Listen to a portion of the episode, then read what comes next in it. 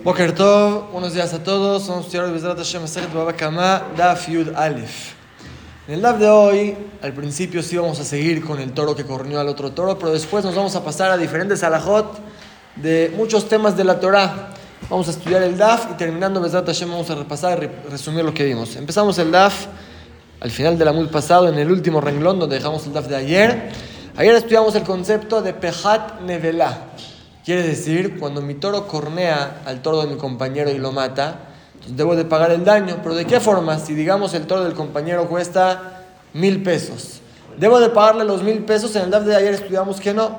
Evaluamos cuánto cuesta un toro vivo, mil. ¿Y cuánto cuesta un toro muerto? Su carne se puede vender a los goim para que se lo coman. ¿Cuánto cuesta? 200 pesos. Entonces debo de pagar solamente la diferencia, los 800 de diferencia. No los 1000 y me quedo con el cadáver a ver qué le hago, sino el dañado se queda con el cadáver. Yo solamente repongo la diferencia de 800 pesos. Si estudiamos ayer y vimos que por eso, si después del tiempo del daño bajó el precio de la carne, yo no pierdo, pierde el dañado, ya que el cadáver es de él. El momento del daño costaba 200, aunque ahora bajó de precio, igual él es el que pierde. Yo pago según el momento del daño la diferencia entre un toro vivo y un toro muerto. Dice la Gemara, Leima Pejat Digamos que este concepto de que pierde el dañado por el cadáver que bajó de precio es una discusión entre los Tanaim de Taña, como dice la Braita. El Pasuk dice sobre un pastor que llevó una oveja a pastorear y un lobo la devoró. Si es que devoraron la oveja, hay que traer un testigo que fue un percance. Y la alhaja es clara: si fue un percance, el pastor no podía hacer nada, va a estar exento de pagar. Si fue una negligencia, debe de pagar. El pasuk dice: trae un testigo, y como dice Tanakama, y había Edim trae un testigo, dos testigos, que se la devoraron, fue un percance, no podía salvar nada. Upatur está exento. Y a esta alhaja no hay quien discuta. Entonces ahora Abba Shaul Omer viene a Shaul y dice, no, yo entiendo el pasuk de otra forma. Y había edudale bedín, que traiga el pastor el cadáver del animal al bedín. ¿En qué discutieron? Seguro Abba Shaul no discute que si fue por percance va a estar exento. Y Tanakama no va a discutir que si fue por negligencia debe de pagar. Maila Mifle, seguro en esto discutieron. En caso que fue negligencia, que debe de pagar, ¿quién se queda con el cadáver? De Mor Sabar Prat de Izaka, según Abba Shaul pierde, según cama pierde el dañado, el dañado se queda con el cadáver, el pastor paga solamente la diferencia entre una oveja viva y muerta.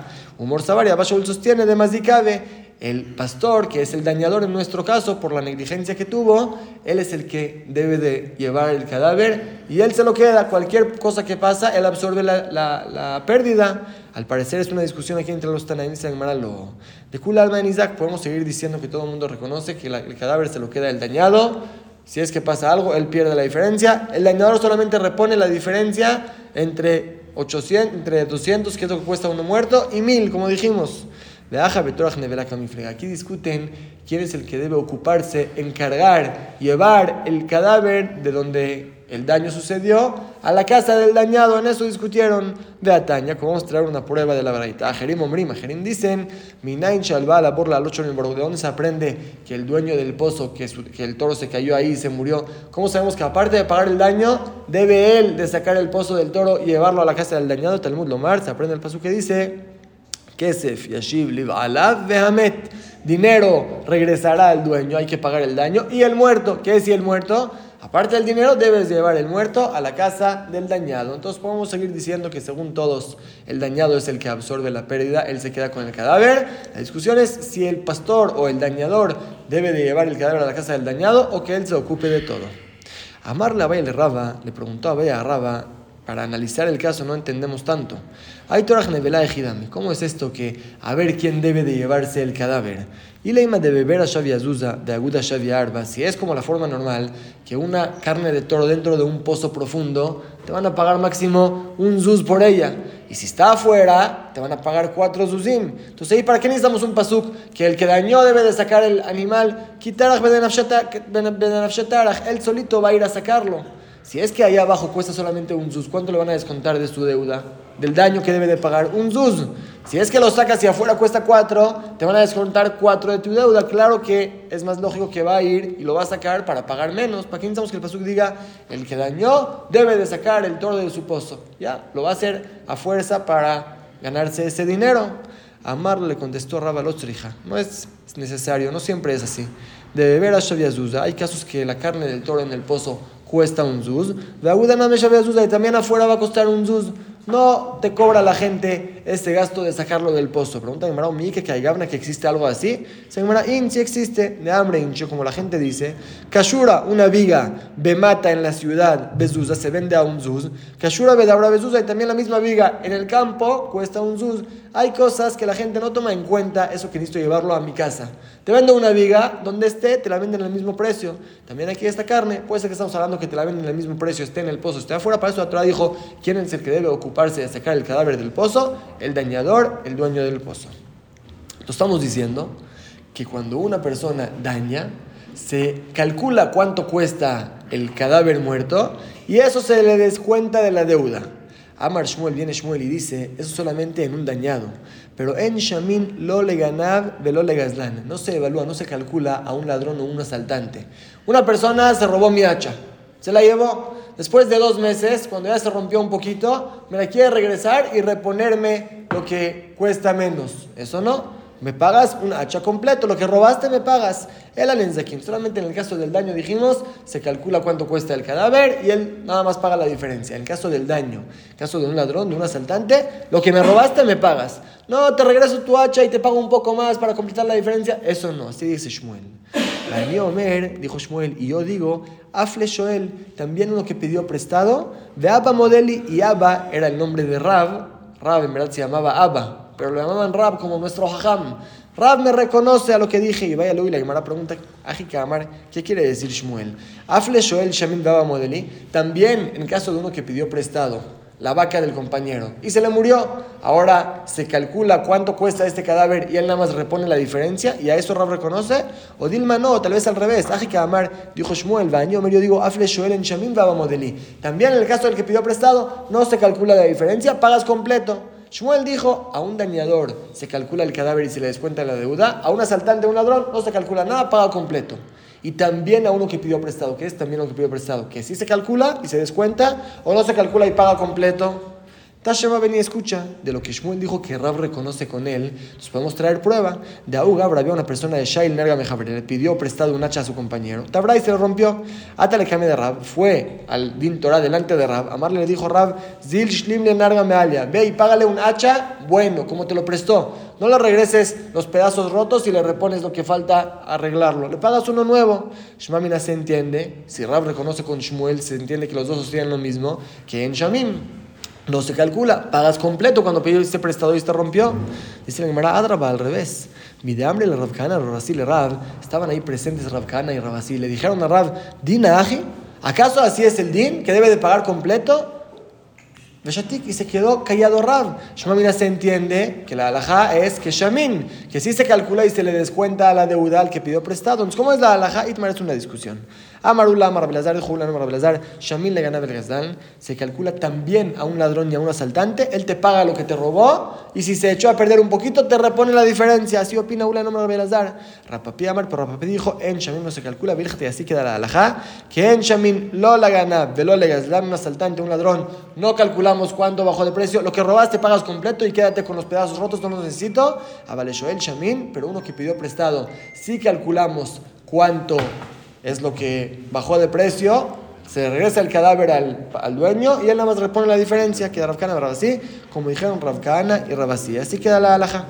Ya que esta alhaja la dijo Ula en nombre de Rabbi Elazar, se va a mencionar otras cinco alajot que dijo Ula en nombre de Rabbi Elazar, que no tienen que ver con nosotros otras alajot de todos los temas de la Torah. Vamos a ver esas cinco alajot hasta terminar el daf. Sabemos que una mujer que da a luz en el tiempo de la Torah, si es que dio un niño, un varón, entonces es impura siete días y después tiene 33 días que es pura aunque le siga bajando sangre. Y si es que tuvo una niña, mujer, entonces es impura dos semanas y después 66 días aunque le siga bajando sangre es pura. Eso era en el tiempo de la Torah. Hoy en día, hasta que la mujer no se limpia, no va a la tevilá, no está pura. Pero así era para un hombre 7 y 33, para una mujer 14 y 66. Dice Ula Enome Rabielazar, Shilia Sheatzta Mikzata Biom Rishon, Mikzata Biom Sheni. Una mujer que abortó y se le salió la placenta, pero no todo de una vez. Salió un poquito el domingo, digamos, y un poquito el lunes, ahí terminó de salir. ¿Desde cuándo se considera que la mujer se alivió? ¿Desde el domingo o desde el lunes? Monim la Rishon, empezamos a contar desde el domingo, desde el primer día que le empezó a salir la placenta, ya consideramos que ya se alivió y ya empieza a contar su impureza. Amar le Raba le preguntó Rabba Maida la Jumra, ¿por qué dices tú así? Para hacer Jumra, que ya es impura desde el primer día, se considera que dio a luz. Jumra de Kulau. Esta Jumra que estás haciendo va a provocar una Kulá. ¿Por qué? De Kametar la Merishon. Porque terminando los siete días desde el primer día, o terminando los 14 días, si es una mujer desde el primer día, ya va a estar pura. Y si cuentas desde el segundo día, falta esperar un día más. Tú desde la Jumra vamos a considerarla que ya se alivió desde el primer día. Pero esto te provoca a llevar a una culá. Después de siete días desde el primer día, ya esta mujer ya es pura, tiene 33 días de pureza, ¿no? Si es que se alivió en verdad el segundo día, le falta un día más. Entonces, eso que estás diciendo que se cuenta desde el primer día que es impura, no es humra, es también kulá. Él amarraba, por eso dijo Rabba la hush, hosheshet. Sospechamos que es impura desde el primer día, ya la consideramos que ya se empezó a aliviar. Mimna lo mimnea el alasheni. Por empezar a contar sus 7 o 14 días de impureza es solamente desde el segundo día, porque sospechamos, no sabemos cuándo se alivió, la mitad salió el primer día, la mitad salió el segundo día, por eso hacemos humra para los dos lados. Dice la Gemara Maika Mashmalan, ¿qué Hidush está diciendo Ula no Rabbi? De en Mikzat Belovlad, que una placenta seguro tiene un feto adentro. Podríamos decir, una mujer que sacó una placenta, no se llama que se alivió. Se creó la placenta, pero nunca tuvo ahí un feto. No, dice Ula, si hay una placenta, seguro había adentro un feto que se deshizo, pero esta mujer se considera que se alivió. Ese es tu Hidush. Tanina, ya lo estudiamos. Dice la Mishnah, Shilia Sheatzta Mikzata una placenta que salió un poquito del animal. La alhaja es que si degollamos a la mamá y dentro de ella encontramos a un bebé, no hace falta hacerle shejita, solamente a Jajamí me exigieron que se le haga shejita. Pero cuando se le hace shejita a la mamá y tenía dentro un bebé, se puede comer también el bebé, no pasa nada. La shejita de la mamá sirvió también para lo de adentro. Si es que antes de hacerle shejita a la vaca, a la mamá, salió un poquito de la placenta. Dice la Mishnah, Asurabe Ajira, no te la puedes comer. Ya se llama que ya nació. Siman Vlad Baisha, Siman Vlad Babema. Dice la Mishnah, porque una placenta significa que adentro tiene un feto, sea una mujer o sea un animal. Esta Mishnah ya nos los enseñó. ¿Cuál es el Jedush de Ula? Que una mujer que salió su placenta se considera que se alivió, que dio a luz. Contesta la Gemara, y mi magnitin, si fuera de la Mishnah, no le podría decir, de Yesh en verdad puede ser que un poco de la placenta salga, y no salió el feto. Es cierto que una placenta debe tener un feto adentro, pero eso que salió la mitad de la placenta, un poquito de la placenta, no es forzosamente que ahí en esa parte que salió estaba el feto, tal vez el feto se quedó arriba, adentro. Así podríamos decir, ¿y por qué la Mishnah prohíbe comerlo? Para que la gente no llegue, si permites comer eso, van a llegar a comer también cuando salga toda la placenta sin shahita. Kamash Malan es el hidush, que no sospechamos a eso, sino el motivo de la Mishnah es que una placenta que salió seguro tiene adentro un feto que se deshizo y por eso se llama que la mujer dio a luz y en caso del animal no se puede comer esta placenta. Otra alhaja, de Amarula Maravilazar dijo no es Rabbi Todos sabemos que cuando nace un niño primogénito, hay que hacerle pidión. Se va con el Cohen, se le da las cinco monedas de plata, se rescata al niño. Bejor Shenitraf Betochla Medium. Si es que este niño, Arminal, lo mataron dentro de 30 días. Si es que se murió dentro de 30 días, eso significa que no era un niño permanente, ya se murió.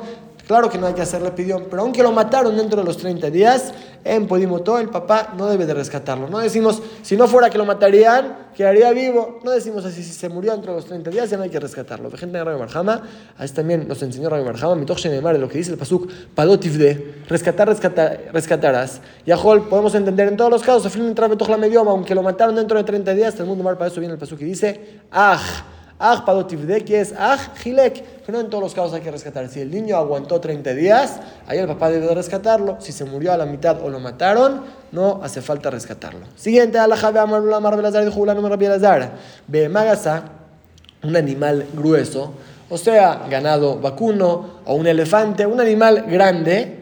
Nihnet ¿cómo se adquiere? Cuando el cliente lo jala. Pregunta la Gemara, Mesira, si la Mishnah dice, no con jalándolo, sino entregando la correa al cliente. Cuando el vendedor se lo entrega al cliente, ahí lo adquiere, no hace falta jalarlo. Dice el Marau de Amar que Aitana, él sostiene como otra opinión de que dice la Braita, Baja Jaim Omrim, Jaim discuten a esa Mishnah y dicen, Zobe, Zobe, Mishija, tanto ganado vacuno como vino, siempre se adquiere jalándolo. Se entiende aquí una prueba, Ula no Belazar, que también un animal grueso se adquiere jalándolo. Rabbi Shimon Rabbi Shimon discute, él dice, Zobe, Zobe, Agba, tanto ganado vacuno o vino, tanto un animal grueso o delgado, se adquiere levantándolo. Es la opinión de Rabbi Shimon, pero Ula queda como Jajamim. Siguiente alajá, Marula Rabbi Lazar, dijo Rabbi Lazar, Ahim Shehalku. Dos hermanos que heredaron al papá y un tiempo se quedaron juntos en las pertenencias y ahora decidieron dividirse. Entonces hay que calcular toda la herencia, cuánto cuesta para dividir. Dice Ulan Rabbi Lazar, Mashalehem Shamin. También la ropa que tienen ellos vestidos encima que ya lo compraron del dinero de la herencia, también eso, se calcula. A ver, ¿cuánto cuesta tu ropa? 100. Y tu ropa cuesta 200, entonces ya aumentamos 300 a la herencia. También la ropa que tienen vestidos, si lo compraron de la herencia, se calcula. Pero lo que tienen vestidos los hijos y las hijas, la familia, eso no se calcula.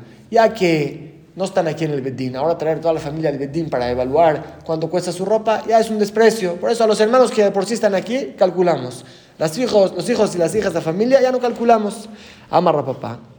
Dijo papá, pero mí a veces, también lo que los hermanos mismos tienen vestidos no se calcula. ¿Cuándo? la podemos encontrar el caso, G, cuando es el hermano más grande, que vende los terrenos, se ocupa de los negocios, de Nija Leu del Ishtamun Mile, que todos aceptan, todos los hermanos aceptan que compre su ropa fina del dinero de la herencia para que la gente lo respete más, la gente lo trate mejor, va a recibir un buen trato, va a poder conseguir mejores negocios. Aquí él se ocupa de los negocios como el representante de todos los hermanos, aceptan que se ponga ropa fina, eso no hay que calcularlo, no hay que tomarlo en cuenta en la herencia. Y última alajá para hoy, Amarula Marabelazar, dijo Rabelazar, ¿qué pasa con Shomer, Shemasar le Shomer? Un cuidador que entregó lo que le deposité para que cuide a otro. Yo le di a Rubén mi pluma para que me la cuide y se la encargó a Shimon sin avisarme. Y ahora pasó algo. Se la robaron a Shimon. Debe de pagar este Rubén Patur. Dice Ulam Blazar, está exento. Velomi vaya a Shomer Hinam Shemasar le Shomer Sahar. Y no solamente en caso que Rubén era un cuidador gratis, que lo entregó a Shimon y él dijo: Te voy a pagar a Shimon para que cuide la pluma de Aluya al Minato, que ahí subió el cuidado. Un cuidador pagado cuida mucho mejor que un cuidador que no le pagaron. No solamente en este caso que Rubén no le pagué y él le pagó a Shimon, que claro que va a estar exento. El Afilu Shomer Zahar Shomer Hinam, aunque se lo entregué a Rubén y le pagué por cuidarme la pluma. Y él se lo entregó a Shimon gratis. De Ashta Garuga Garel Ishminato, que podríamos decir, bajó la categoría del cuidado, igual, Name Patur, también en ese caso va a estar exento Rubén. Sharemazar le vendar porque me puede decir, yo le entregué la pluma a una persona bien, que lo cuide, ah, pasó algo, un percance, se lo robaron, va a estar exento. Todo lo que Rubén podría decirme, yo estoy exento por lo que pasó, también puede decir, cuando se lo entregó a Shimon, estoy exento por lo que pasó. Se lo entregué a alguien bien, así dijo Ula, no me por Raba, más Raba discute y la alhaja es como Raba al revés. Shomer, Shomasar, Shomer Hayab. Un cuidador que le entregó a otro cuidador debe de pagar cualquier cosa que pasó. De no vaya Shomer, Sahar, Shomasar, Shomer Hayab. No solamente en caso que le pagué a Rubén y él se lo entregó a Shimon sin pagarle, que Garú de el Ishminato que bajó la categoría del cuidado porque el segundo no le están pagando, cuida peor. Ahí claro que debe de pagar Rubén. El afilu Shomer Hayab, Shomasar, Shomer Sahar Hayab. Aunque el primero no le pagué, a Rubén se lo di, me lo puedes cuidar gratis. Y él se lo dio a Shimon para que se lo cuide pagado que al parecer subió la categoría del cuidado, el segundo lo va a cuidar mucho mejor. Igual si pasó algo, se lo puedo cobrar a Reuben. ¿Por qué? De amarle le puedo decir, Atme. A ti te confío cualquier percance que pase. Te llevo al bedín, me juras. En tu juramento yo confío, por eso te lo deposité a ti. Jailo me pero ese Shimon yo confío en él, aunque me jure que pasó un percance, no le confío.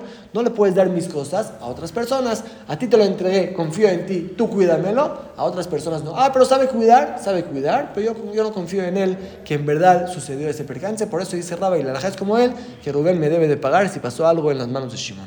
Dejamos aquí el de hoy. Vamos a repasar lo que estudiamos. Estudiamos varias alajot, como dijimos, de diferentes temas.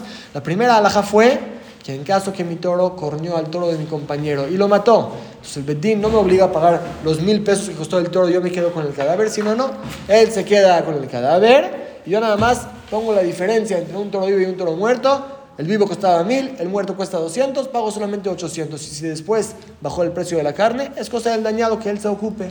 Pero como la Gemara dijo, eso solamente que él se debe de ocupar de vender la carne. Pero ¿quién debe de traer el cadáver de donde pasó el daño a la casa del dañado, o sacarlo del pozo, subirlo, llevarlo a la casa del dañado, eso sí, el dañador se debe de ocupar. Y como la hermana dijo, todo eso es cuando es una persona que dañó, que ahí calculamos, evaluamos cuánto cuesta el cadáver y eso se descuenta de la deuda. Lo mismo, uno que pidió prestado un animal y se le murió, ahí también se regresa el cadáver al dueño y él solamente paga la diferencia, no paga todo, pero en caso que es un asaltante, un ladrón que me robó algo, y ahora después de un tiempo viene y me quiere regresar los pedazos rotos o el cadáver del animal que me robó y reponerme la diferencia, eso no. La alhaja queda como dijo la Gemara, el asaltante, el ladrón pagan completo, todo y ellos que se queden con el cadáver. Esa fue la primera alhaja.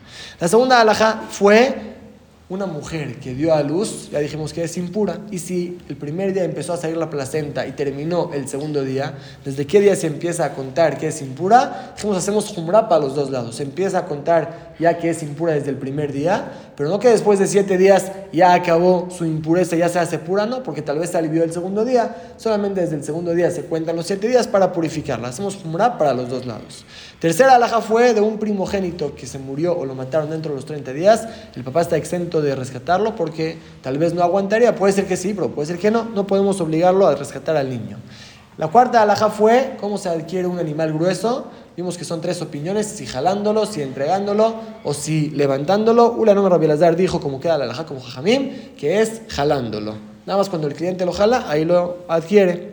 Siguiente alhaja que estudiamos fue cuando los hermanos se van a dividir la herencia del papá, que hay que evaluar y calcular también la ropa que tienen ellos encima, no de su familia, pero sí los que tienen ellos encima, a menos que es uno de los hermanos que se ocupa de todos los negocios, que ahí todos prefieren que esté bien vestido para que le den buen trato, ahí sí lo puede comprar esa ropa de la herencia y eso no se calcula porque es para el bien de todos. Y la última alhaja fue la discusión entre Ula y Raba, cuál es el din, un cuidador, un chomer, que entregó lo que le depositaron a otro para que lo cuide. Vimos que según Ula, en todos los casos, sea Shomer Hinam, que se le da Shomer Sahara al revés, en todos los casos está exento, porque le puede decir al dueño, sí es cierto que me lo diste, pero yo se lo entregué a una persona que sabe cuidar, no a cualquiera. Pasó un percance, ni modo. Pero según Raba, la alhaja no es así, es como Raba, sino que siempre cuando un shomer le dio a otro shomer, se le cobra al primero lo que sucedió. ¿Por qué? Le puede decir el dueño, tienes razón que se lo diste a alguien que sabe cuidar, pero yo no confío en él, yo confío en ti, por eso te lo di a ti. Si lo diste al otro, tú me debes de pagar cualquier cosa que pasó. Es lo que estamos en el live de hoy. Escuela mitzvot y